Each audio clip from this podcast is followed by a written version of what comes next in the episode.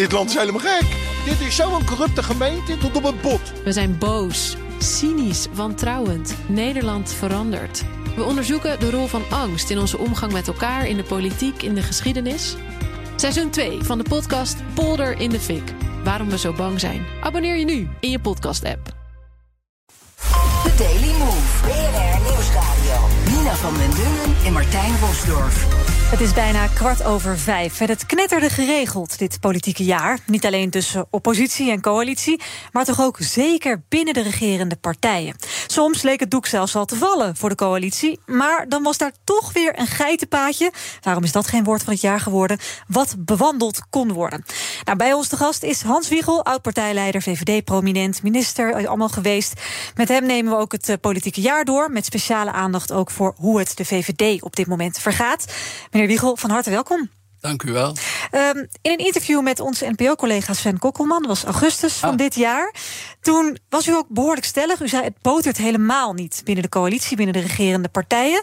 Dus de stekker kan er beter uit. Dit, dit zei u onder andere. Die verhouding binnen uh, dat huidige kabinet, uh, dat is, uh, is gewoon heel slecht. Het kan misschien wel zo zijn dat daardoor het kabinet ja, bedreigd is als u dit zo leest, hebt, u, hebt u dan nog vertrouwen in het voortbestaan van het kabinet? Nou, ik ook niet zoveel. Je weet het natuurlijk nooit, want iedereen houdt zich weer bezig. En zeker de minister-president zal natuurlijk weer toch proberen nog even door te zetten. Maar als je natuurlijk ook naar de inhoud kijkt van uh, uh, alle uh, vragen, nou, dan dat is niet zo plezierig. Nou, dat zijn zeker geen plezierige dossiers. Hè. Stikstof, asielcrisis, inflatie, oorlog. Het is nogal wat bij elkaar. Bent u verbaasd dat het kabinet nog zit? Nee, want als je kijkt hoe het de laatste tijd uh, gaat, gaat het eigenlijk best redelijk. Uh, er zijn vier partijen die met elkaar regeren. Ze hebben af en toe wel wat een beetje gedonder hier en daar. Maar onder leiding van de huidige minister-president ja, is het de zaak toch aardig in de controle. En als we dan kijken naar de grote opgaven van deze tijd, ik noemde er al een aantal: de energiecrisis, eh, de inflatie, de oorlog, maar ook de klimaatproblemen natuurlijk. Vindt u dat de politiek zich goed staande houdt te midden nou ja, van al die vraagstukken? Nou ja, ik vind het wel, eh, want als je kijkt wat er allemaal op ons afkomt, en allemaal verschillende dingen, waar ook de politici weer verschillend over denken. En dan moet je toch proberen te vinden, een lijn te vinden. En uh, ik denk dat het uh, ja, te danken is aan de minister-president die dat uh, voor elkaar brengt. Met twintig partijen in de Kamer, dan moet je ook maar een, een weg kunnen vinden natuurlijk. Ja. En ook het vertrouwen in de Nederlandse politiek is echt in jaren niet zo laag geweest. Hè. Blijkt uit recent onderzoek door Ipsos. Zeven op de tien ondervraagden die geeft aan weinig of heel weinig vertrouwen te hebben in de politiek. Wat zegt dat u? Ja, dat is waar. Dat heb ik natuurlijk ook gelezen. En dat komt natuurlijk zeker ook omdat er heel veel ook kleinere partijen zijn. En het komt ook omdat er natuurlijk ook wel eens verschillen zijn. Maar als je heel goed nadenkt en je kijkt dan met name hoe de minister-president het doet. Uh, dan is het toch zo dat hij toch weet te vertellen hoe het moet. En dat is toch belangrijk. Ik vind het wel bijzonder dat u dat zegt. Want u heeft eerder heel veel kritiek gehad op Rutte. Uh, en ook gezegd van nou, ik denk dat het wel tijd is voor hem. Ja, maar ik ben van mening voor. veranderd. Echt waar? Ja. Dat, het, waar zit dat hem in? Dat vind, zit misschien een beetje gek. Want een heleboel mensen denken dat politici altijd hetzelfde vinden. Maar dat is met mij niet het geval. Want uh, ik kijk dus wat er nu gebeurt. En uh, als, je, als ik kijk, zeker ook hoe de minister-president het doet dan denk ik dat uh, hij heel goed weet wat hij wil. Want hij heeft laatst ook nog wat gezegd over zijn eigen toekomst. Dat is iedereen natuurlijk ook heel interessant. Hè? Wie gaat dat doen en uh, waarom en wanneer en weet ik veel wat. Maar de minister-president heeft volgens mij donders goed in de gaten wat hij wil. Wanneer is dan bij u eigenlijk de, de mening omgedraaid en dacht u die nou, Rutte? Ik, ik heb niet zo lang geleden met de minister-president gegeten en gepraat.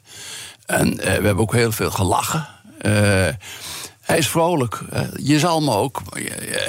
Als je dat niet bent, als je somber bent en als je uh, zeurpieterig bent, dan win je het nooit. Dus hij is volgens u nu de juiste man op de juiste plek? Ik vind dat hij het heel goed doet. Ja. Uh, wie ook bij ons is aangeschoven is politiek verslaggever Mats Akkerman. Mats, welkom. Hi. Uh, we hebben jou gevraagd om eigenlijk voor de VVD een aantal bepalende politieke momenten uit te zoeken van dit jaar. Die kunnen we dan namelijk weer met meneer Wiegel gaan bespreken. Laten we even beginnen met de belangrijkste in jouw ogen. Een pittige fractie gehad en een stevig gesprek gevoerd. Zowel met Mark uh, als met elkaar, met de fractie onderling. En we hebben Mark heel stevig doorgezaagd over uh, de instroom en onze zorgen over de instroom. En daar hebben we hem ook van doordrongen. En we hebben hem vragen gesteld over wat nou zijn inzet is als onze partijleider. Wat zijn inzet is om die instroom naar beneden te brengen. Ja, want we horen hier de Sophie Hermans, de fractievoorzitter van de VVD, over de asielcrisis. We zagen dit jaar enorme aantallen uh, vluchtelingen hier naartoe komen. En die moeten over de gemeentes gespreid worden. Nou, daarvoor wil de VVD-staatssecretaris een spreidingswet.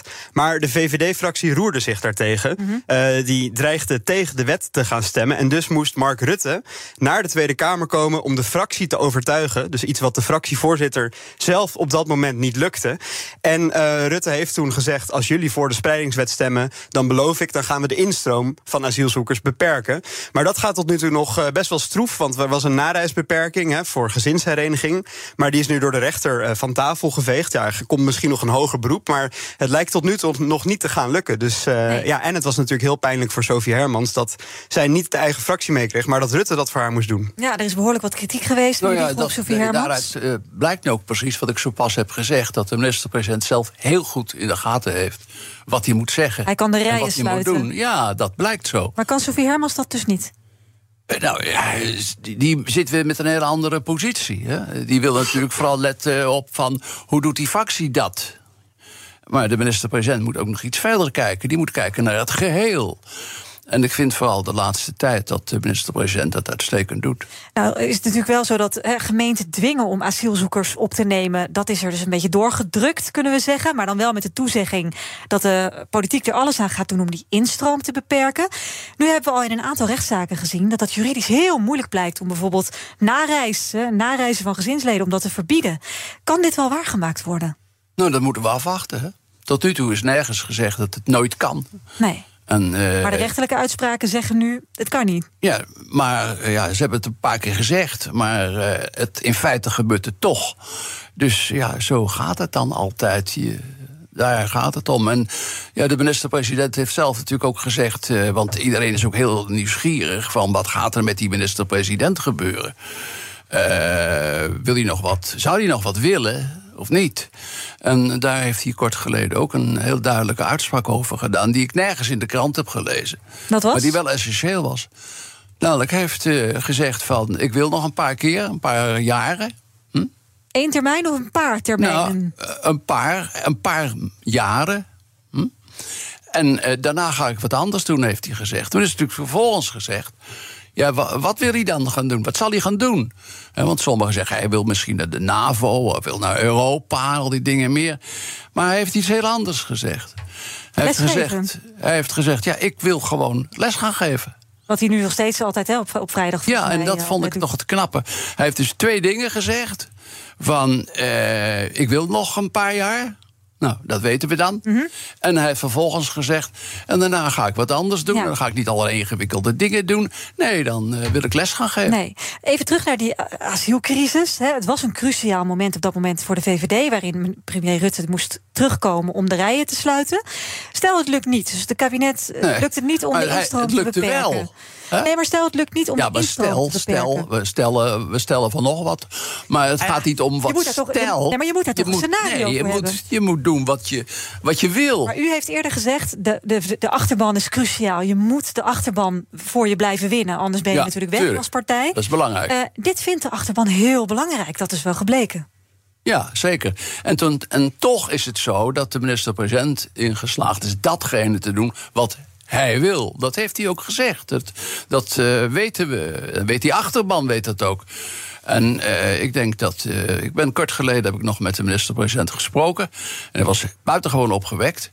En ik heb dus de indruk dat hij heel goed in, de, in de gaten heeft wat, wat, wat hij er moet leeft, gaan doen. Precies. Mats, we gaan naar het tweede grote politieke moment wat jou betreft voor de VVD. We staan heel dicht bij mijn huis. Ja, weet ik. Mijn kinderen staan hier binnen te trillen. Ja, ja, ja. ja? ja, ja. En nu is het gewoon klaar. Ja, dit waren de, de boze boeren op de stoep bij uh, VVD-minister Christiane van der Wal. Ja. Zij moeten de stikstofuitstoot natuurlijk gaan terugbrengen. De natuur moet zij gaan herstellen. Maar uh, ja, de VVD-leden die uh, keerden zich tegen de stikstofplannen van het kabinet. Hè. Op het partijcongres kwam er een motie om die plannen aan te passen. En dit was de uitslag van die motie. Voor hebben gestemd 51 procent. Echt een, het was heel spannend, maar een nipte overwinning dus. En toen zagen we dus dat ja, de VVD-leden even in opstand kwamen tegen het beleid wat werd gemaakt in Den Haag. En om uit de impasse te komen, moest toen Johan Remkes weer van stal gehaald worden om de problemen op te lossen. Die hebben ja. we ook nog steeds, hè? Ja. Hebben Was u u eigenlijk, hadden ze Ja. u niet moeten vragen? Nee, ik denk, nou ja, ik, misschien wel had ik. Ik had het wel willen doen trouwens. Maar eh, Ja, zoals hij het heeft gedaan, heeft hij het natuurlijk ook heel goed gedaan. Maar waarom had u het willen doen? Nou, het is een heel moeilijk dossier. nee, ik heb, ik, heb, ik, ben het, ik heb het niet geworden. Ik ben ook niet gevraagd. Nee, maar u was bereid, zegt u. Ik had het wel willen doen.